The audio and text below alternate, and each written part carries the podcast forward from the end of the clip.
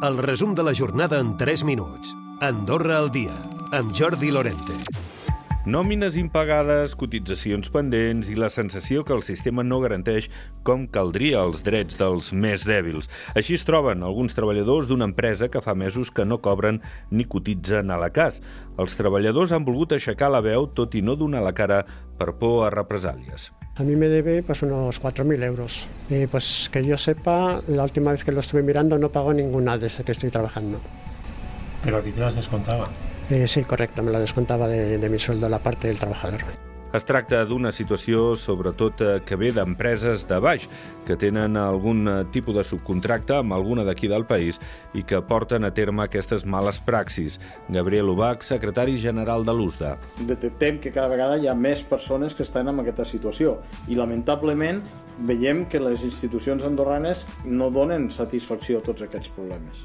Josep Àngel Mortés, el cònsul major d'Ordino, ha dit aquest divendres en línia directa que la situació de Grífols es manté estable i que li grinyola el fet d'aquest silenci sepulcral, així ho ha tillat, de l'oposició, de la gent que estava en contra d'aquest projecte que des de les eleccions no ha dit res. Que realment fos un problema tan important o, o la gent que ha defensat el tema, el tema de, de Grífols eh, en contra de que vagi a la parròquia, eh, com vostè diu molt bé, no? continuarem fent-ho ara en aquests moments, no? i per tant hi ha un silenci sepulcral. No? Què vol dir? Diguéssim, això demostra perfectament que ha sigut l'eina que han utilitzat eh, eh, bueno, tots els membres de l'oposició per tal de poder, de poder guanyar la plaça de la parròquia d'Ordino. No? I per tant, eh, bé, la veritat és que tampoc ha funcionat massa. No?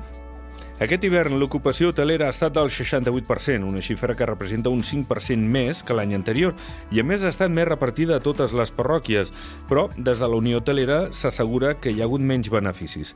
Tot plegat pot ajudar, sens dubte, l'alta inflació, però també que els hotelers han fet més inversions.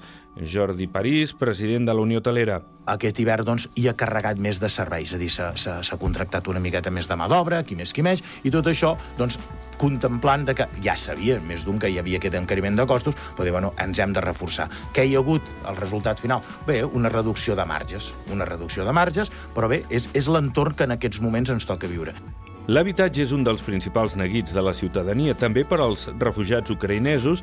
Així constata el govern, que està buscant alternatives a l'hotel Les Terres de Canilló, que està allotjant una seixantena de persones i que acaba contracte amb l'establiment aquest setembre. Una part del col·lectiu vol quedar-se a Andorra per començar una nova etapa i la policia va detenir aquest dijous un home que amagava 3.600 paquets de tabac en un pis del pas de la casa per fer contraban en França.